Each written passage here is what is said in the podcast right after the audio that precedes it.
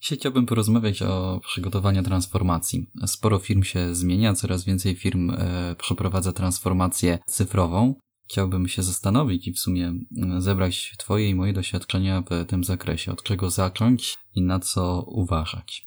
Jednym słowem, dzisiaj wszystko o audycie. Tomek Sierpiński. Paweł Skiścim. Zaczynamy. Pragmatyzm w IT.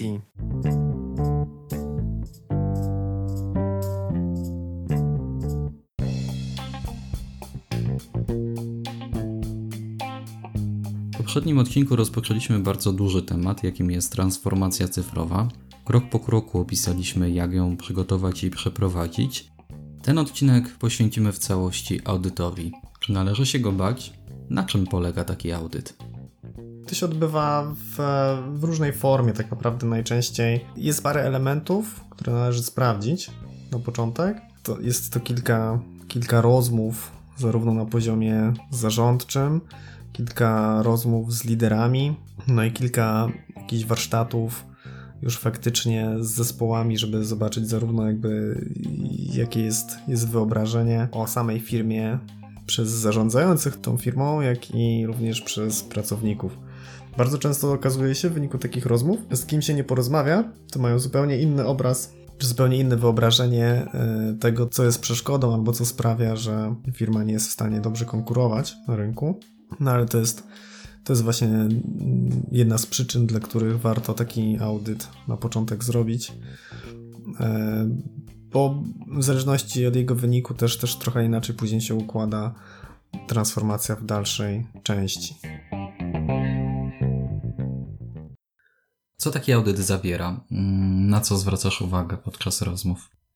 Podczas e, rozmów zazwyczaj wybrzmiewa to, co, co jest najbardziej uwierające dla, dla poszczególnych osób, tak? Czyli, czyli osoby z zarządu często opowiadają o tym, jak nie, wiem, nie, nie potrafią jasno przełożyć swoich celów strategicznych na, na konkretne działania zespołów. Zespoły na przykład narzekają albo mają okazję powiedzieć, jak to zarząd nie rozumie ich warunków pracy albo tego, jak, z jak trudną materią się mierzą, albo po prostu specyfiki ich działania. Zarząd na przykład jest w stanie e, narzekać, czy też, też zgłasza brak przejrzystości, czy, czy, czy nie jest w stanie ocenić, czy, czy zespoły działają sprawnie, czy, czy się obijają. A nawet jak działają sprawnie, czy to wynika z tego, że mają farta, czy to wynika z jakichś konkretnych, z jakiegoś konkretnego sposobu działania, więc różne są cele transformacji z tego, co obserwuję, ale, ale podczas takich rozmów faktycznie yy, jakby jest okazja, żeby, żeby zobaczyć, czego komu brakuje, a z drugiej strony, jak bardzo nieświadome są czasem poszczególne osoby tego, jak inni pracują. Przyjrzenie się sposobom podejmowania decyzji to jest to, na co ja zwracam uwagę w pierwszej kolejności, tak? Kto podejmuje decyzje i czy decyzje są podejmowane we właściwym momencie, na właściwym poziomie. Im więcej decyzji jest możliwych do podjęcia, możliwie jak najniżej, tym praktyka pokazuje, że jest to lepsze, dlatego że wtedy te decyzje są podejmowane na czas. W sytuacji przeciwnej no mamy do, e, problem z, często z decyzjami, które są podejmowane zdecydowanie za późno. Często już takie decyzje są podejmowane nie przez ludzi, a przez czas. Doprowadzamy do sytuacji takiej, której e, do podjęcia jest jedyna tylko już decyzja ta najczęściej najgorsza, bo już inne warianty nie mają znaczenia. Na co jeszcze zwracam uwagę e, w takim audycie, to też sposób, w jaki zespoły e, wytwarzają e, soft. Jak wygląda ich software e, development life cycle, jaki jest ich time to market. I tu też bardzo często przy tego typu dyskusjach pojawiają się często aspekty techniczne. Czy testy są wykonywane automatycznie, czy może manualnie w jaki sposób dostarczamy soft na, na produkcję, jak wygląda ten sam akt releasowania w wielu zespołach wciąż odbywa się to jeszcze manualnie. Wydawałoby się, że to jest drobny szczegół, ale ten drobny szczegół może powodować e, opóźnienia. Na przykład w przypadku, gdybyśmy chcieli oprzeć naszą transformację o ciągłe dostarczenie, o proces ciągłych dostarczeń. Tak, to jest, to jest niezwykle ważny, ważny aspekt. E, z jednej strony osoby, które, które pracują na co dzień blisko software house'ów, które realizują rozwiązania takie szyte na miarę dla różnych klientów, to jestem pewien, że w tych software house'ach obecnie ten temat w ogóle nie jest problemem, tak? W dobie powszechnej dokeryzacji i, i trzymania wszystkiego w chmurze naprawdę łatwo się produkuje software. Natomiast w organizacjach, które działają odrobinę dłużej i, i, i mają bagaż solidnego legacy na sobie, to możemy mieć fajnie skonstruowaną organizację, możemy mieć zarząd, który e, wygłasza fajne cele strategiczne i nawet zespoły, które rozumieją te cele i są w stanie je przekładać na, na, na fajne backlogi, ale jak dochodzi do momentu wdrożenia, no to okazuje się, że, że, że występuje duże piekło integracyjne i tak naprawdę wtedy akcent takiej transformacji powinien być mocno postawiony na tych aspektach technicznych i na udrożnieniu po prostu przepływu samego, samego dostarczania oprogramowania. Gdy już wychodzimy z technologii, to kolejny aspekt, na który ja zwracam uwagę, to jest już aspekt samej pracy w organizacji. Jakiego języka używają zespoły? Czy jest to język bardzo mocno techniczny, czy już może zbliżony do języka biznesowego, a może wręcz właśnie język biznesowy? Czy posług zespoły posługują się językiem wartości, jaką produkują dla klienta? W jaki sposób nazywają, określają sobie tego klienta. Odpowiedzi na te pytania pozwalają trochę lepiej zrozumieć to, gdzie jesteśmy w tej organizacji. Myślę, że ciekawym aspektem takich dyskusji jest też zbadanie tego, jakie wartości funkcjonują już w tej organizacji. I tutaj e, jest potrzebne dosyć spore doświadczenie coacha, osoby, która e, potrafi porozmawiać e, z zespołem, z poszczególnymi osobami na poziomie na poziomie troszeczkę głębszym niż tylko przekonania i umiejętności. E, wejście na poziom wartości i spróbowanie zaobserwowania tych wartości w praktyce może być pomocne przy konstruowaniu organizacji, a w konstruowaniu właściwych komunikatów. Tak? Jeżeli w danej organizacji przykładowo funkcjonuje e, wartość pod tytułem prestiż, no to dla nas to będzie bardzo, bardzo ważne, żeby tą wartość zaopiekować, bo jeżeli w tej organizacji my e, mieliśmy strukturę hierarchiczną, to prawdopodobnie wartość prestiżu tych ludzi, którzy pracowali w tej organizacji, była zaspokajana właśnie poprzez hierarchię, przez odpowiednią strukturę awansu stanowisk. I w momencie, kiedy my mówimy o spłaszczeniu struktury, no to tą wartość prestiżu trzeba zaopiekować w zupełnie, w zupełnie inny sposób i to też jest element transformacji, który, o którym łatwo jest zapomnieć. Co robimy dalej? Przechodzimy do drugiej części audytu, którą ja bym nazwał warsztatami. E, jest to e, już praca z ludźmi nad e, stworzeniem nowej organizacji, gdzie zadajemy sobie, zadajemy sobie już pytania nie tyle jak jest, ale też jak bardziej jak chcielibyśmy, żeby było. E, dlaczego to jest, e, ja wkładam warsztaty w audyt? Dlatego, że w dalszym ciągu uczymy się tej organizacji. Dopiero na warsztatach, kiedy zaczynamy sobie z zespołem i e, z, z, z firmą, bo to taką reprezentację sobie na te warsztaty bierzemy, zaczynamy rozmawiać o tym, w jaki sposób są podejmowane. Chcemy, żeby były podejmowane decyzje w nowej organizacji. E, po czym poznamy, że ta transformacja tak na dobrą sprawę się udała, tak? Jakie metryki chcemy mierzyć. Czyli takie trochę kryteria akceptacyjne do transformacji całej. I patrzymy też e, na to, jakie mamy w organizacji produkty. Robimy warsztat e, stricte załodniowy, gdzie poświęcamy mnóstwo czasu na zdefiniowanie sobie produktu firmy produktu biznesowego, nie produktu konkretnego zespołu, co ta firma sprzedaje, jaki model biznesowy ma i jak go będziemy konstruować, jakie są kanały dostarczeń, jakie są e, e, jaką wartość dostarczamy tym produktem do klienta, jaką, na jaką potrzebę jego odpowiadamy. E, tutaj Często te narzędzia związane z design thinking, jak canvasy, e, pomagają nam e, na zasadzie reverse, reverse engineering e, odszyfrować to, co w tej organizacji już jest i funkcjonuje. Jeszcze w temacie produktów, bo to też różnie ludziom przychodzi to uzmysłowienie sobie, czym jest produkt. Tak? Ja z kolei często obserwuję, że długo się osoby zarządzające projektami, czy, no, czy po prostu management firmy, czy jakiegoś działu wzbrania przed tą definicją tych produktów, bo, bo na przykład twierdzi, że, woli, że oni robią proces, nie żaden produkt, tak? że u nich jakby wartością jest sam, sam, sam proces, albo tak naprawdę, że świadczą usługi i że tu nie ma żadnego produktu.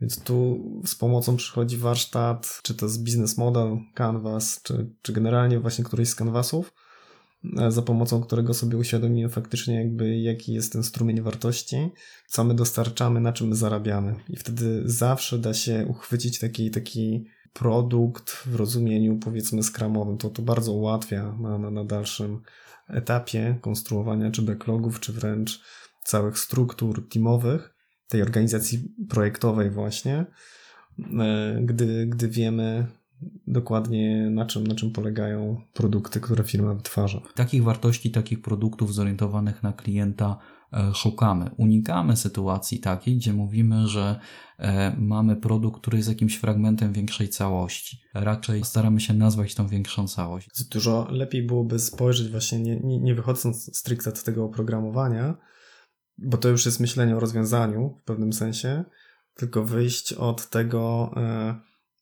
jakie bolączki naszych klientów my rozwiązujemy, tak? Albo w czym chcemy im ułatwić życie, czy też jakiego rodzaju nowe odczucia chcemy im, im, im dostarczyć, tak? Czy, czy nowe, nowe doświadczenie. I, I wtedy się okaże, że, że tak naprawdę no właśnie mamy czy to produkt, czy, czy pewnego rodzaju usługę, którą można na wiele sposobów zrealizować. Daje nam to znowu uelastycznienie, czy pewną właśnie zwinność. Kolejnym warsztatem, który odbywamy w tej fazie drugiej audytu, gdzie ciągle uczymy się organizacji, jest zdefiniowanie sobie kompetencji, wiedzy, jaką mamy aktualnie w organizacji. Już z grubsza wiemy, jak chcemy pracować, bo już mamy jakieś wyobrażenie na temat produktu, na temat tego, co chcemy robić, jak, jak chcemy się poukładać.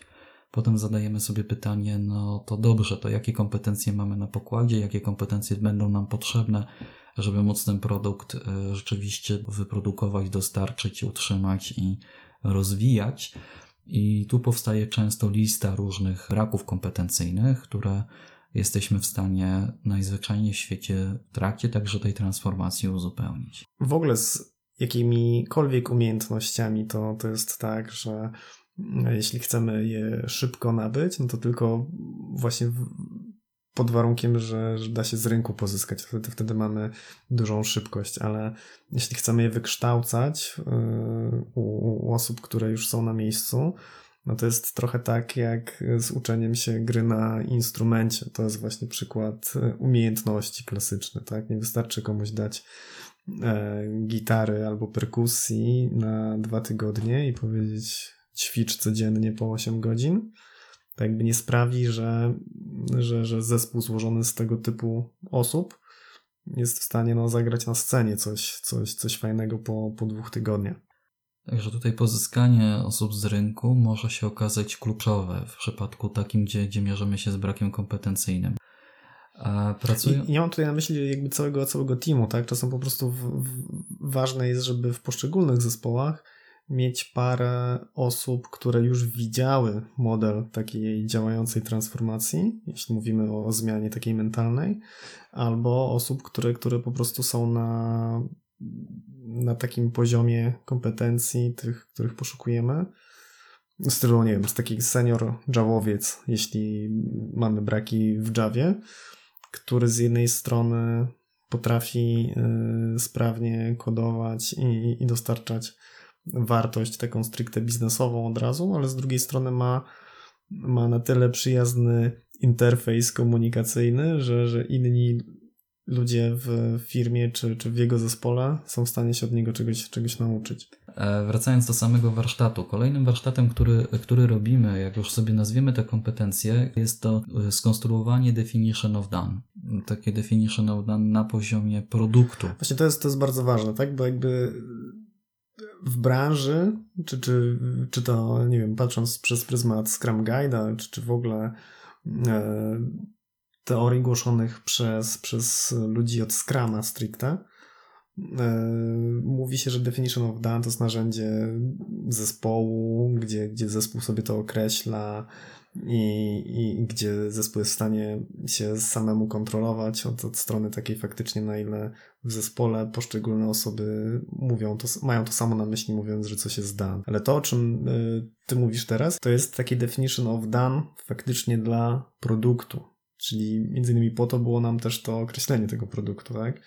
Jak to, jakbyś mógł rozwinąć? Zdarzyło mi się pracować w firmach, gdzie definition of done było definiowane dla zespołu. I to nie jest najszczęśliwszy pomysł, dlatego że każdy zespół może wyznaczać wtedy sobie inne standardy, więc ten końcowy produkt, jeżeli pracujemy w grupie kilku zespołów nad e, danym produktem, może się okazać nie do końca poskładany. I taka sytuacja była na przykład w Spotify'u, gdzie wręcz można było zaobserwować to, kto czym się zajmował w tym zespole. Zdefiniowanie sobie definition of done dla całego produktu jest niejako wypracowaniem takiego standardu, do którego wszystkie zespoły E, które pracują nad tym, e, nad tym produktem, będą dążyły. To zdecydowanie ułatwia nam e, komunikację między, między poszczególnymi zespołami. Często okazuje się, że próba jakby określenia takiego definition of done na, na poziomie firmy, czy, czy jakiegoś fragmentu nawet tej firmy, jakby odbywa się, się w kilku, w kilku aktach też, tak, czy, czy na, różnych, na różnych spotkaniach. I tak naprawdę jakby celem tego spotkania jest stworzenie definition of done, ale robią się z tego takie trochę retrospektywy moim zdaniem czasem, tak? Czyli, czyli faktycznie wtedy osoby zaczynają koncentrować się na tym, czemu im coś nie działało do tej pory, tak? Albo dlaczego, jak wyglądało to ich almost done, albo gdzie, gdzie z ich perspektywy kończyło się, się praca nad czymś i, i wypadało to z ich rąk, trafiało do, do czyichś innych, za co już rzekomo nie odpowiadali ale faktycznie na takim warsztacie bardzo, bardzo dużo wychodzi tematów, które, które w zasadzie powinny mieć wyższy priorytet w transformacji nawet często, tak? Że, że od nich należy zacząć. Kolejnym elementem warsztatu mm, jest dyskusja o pieniądzach. Temat budżetu jest dla nas ważny. Często się okazuje, że pewne braki efektywności y, w firmie wynikają właśnie z tego, jak jest budżetowanie poukładane. Tak? Czasem się okazuje, że jakby rozwój produktu stricte jest powiązany z jakby rezerwowaniem tego budżetu w jakichś interwałach, tak? Jakby jest, jest, albo jest wiele produktów, które są rozwijane w firmie, no i te produkty o ten budżet konkurują. Więc tutaj jest trochę, trochę elementów, które warto sprawdzić bo, bo na pewno przy okazji podejścia do budżetowania da się, da się coś ugrać w transformacjach. Można też próbować poszukać e, opcji optymalizacyjnych w stylu e, powalczenia trochę o, o, o koszty inwestycyjne, tak? o, o wykaz, sprawdzić jak to jest w firmie e, poustawiane, na ile to jest uciążliwe dla, dla zespołów, a na ile są tam opcje do automatyzacji czy do zwiększenia jakiejś ściągalności tak naprawdę raportowanych prac inwestycyjnych. No i ostatnim krokiem, który wykonujemy przy okazji takich warsztatów, to jest przyjrzenie się tym, w jaki sposób organizacja buduje swoje kompetencje, w jaki sposób zarządza e, talentami. Tak, o tym trzeba, trzeba też pamiętać, że przewagę na rynku coraz częściej buduje się w oparciu właśnie o, o kadrę, jaką, jaką się posiada. Z drugiej strony mamy do czynienia z rynkiem naprawdę pracownika. Jakby coraz, coraz trudniej jest pozyskiwać ludzi z rynku, coraz trudniej jest ich utrzymywać w firmie na, na dłużej. Wręcz widziałem niedawno artykuł, e, w którym na, na CNBC zdaje się, w którym autorzy podkreślali, że e, wśród firm, faktycznie nawet, nawet wielkich, jest dużo większe zaniepokojenie o, o płynność e, kadry czy, czy posiadania talentów, szczególnie programistów, niż o, o płynność finansową tej, tej firmy. Że dużo większym wyzwaniem jest e, rozwiązywanie problemów z, z kadrą niż, niż z finansami. To, co, co, co na takim warsztacie audytowym można, można zrobić, no to jest faktycznie przyjrzeć się, e, jak to, jak to wygląda. Nawet z jednej strony jest to aspekt, e, jak pozyskiwać osoby, a z drugiej strony to jest znowu pakiet e, narzędzi czy, czy sposobów jak takie osoby rozwijać, tak? Czy mam tu na myśli wszelkiego rodzaju one-on-one, czy 360, e, czy po prostu rozmowy ewaluacyjne. Tu też dobrze jest, jest się zastanowić, e, przypatrzeć, jak liderzy danej, danej organizacji do tego podchodzą, tak? Czy ten one-on-one on one jest faktycznie robiony regularnie, czy w ogóle występuje, czy osoby potrafią takiego one-on-one przeprowadzić, czy 360 jest robiona regularnie, czy występuje, czy y, występuje w momencie, kiedy chcemy komuś wymierzyć 360, żeby się go pozbyć, tak? To są, są elementy e, na które warto, warto zwrócić uwagę. Wydaje mi się, że zupełnie oddzielny odcinek moglibyśmy na ten temat nagrać. Jak jeszcze e, o czym rozmawiamy na takim warsztacie? Rozmawiamy też o tym, w jaki sposób są przyznawane podwyżki, komu są przyznawane podwyżki, czy członkowie zespołu znają zasady, w których te podwyżki są rozdzielane, w jaki sposób występ, następuje wymiana wiedzy między członkami zespołów, czy firma wspiera to e, i w jaki sposób wspiera że ludzie się uczą, czy mają jakieś programy szkoleniowe, czy te programy są tylko programami wewnętrznymi, czy być może zewnętrznymi. Mhm. W jaki sposób podejmowana jest decyzja na temat tego, kto jedzie na jakie szkolenie albo konferencje. Czy być może są jakieś budżety z, związane z właśnie kompetencjami, jak, te, jak podejmowane są decyzje o, o wydatkowaniu? Tak, jest to, jest, jest to, trzeba przyznać, dość e, drażliwy moment, e, moim zdaniem, podczas całego audytu, no bo z jednej strony zależy z kim się, z kim się rozmawia. Tak jak się rozmawia z osobami, które odpowiadają za te budżety szkoleniowe czy, czy, czy rozwojowe, będą zawsze twierdzić, że, że jest ten budżet, że, że ludzie E, że ludzie ewentualnie nie potrafią z niego skorzystać, bo gdzieś e, jest niewykorzystany albo e, że jest wykorzystywany w niewłaściwy sposób. Z kolei osoby, które z niego mają faktycznie korzystać, często narzekają, że albo jest go za mało, albo jest nie na to, co oni by chcieli, albo że się trzeba prosić. A z drugiej strony jest to też taki temat, bym powiedział, dość osobisty, czy też niemalże intymny w życiu firmy. Z jednej strony trudno się zadaje to pytanie, z drugiej strony y, tutaj mocno trzeba przekonywać osoby, z którymi się rozmawia, po co mi to jest, tak? Po co ja chcę to wiedzieć.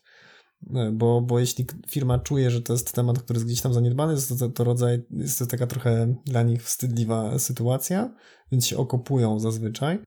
E, a z drugiej strony, no, my musimy przekonać, że słuchajcie, no, chcemy, chcemy tutaj, jest to element budowania tej przejrzystości i, i tak naprawdę ten temat poruszamy po to, żeby Wam pomóc, po to, żebyście byli w stanie budować warunki do rozwoju talentu, a nie do frustracji. No dobrze, czyli, czyli jakby audyt mamy zrobiony, wiemy jak wygląda ta organizacja, wiemy jakie są bolączki, Zebrane informacje możemy wykorzystać do postawienia celów, jakie organizacja powinna sobie postawić, rozpoczynając transformację, ale również do zamodelowania nowej organizacji. O tym w kolejnym odcinku. Na dziś to wszystko. Dziękujemy za uwagę. Tomek Sierpiński i Paweł Skiścin. Thank you.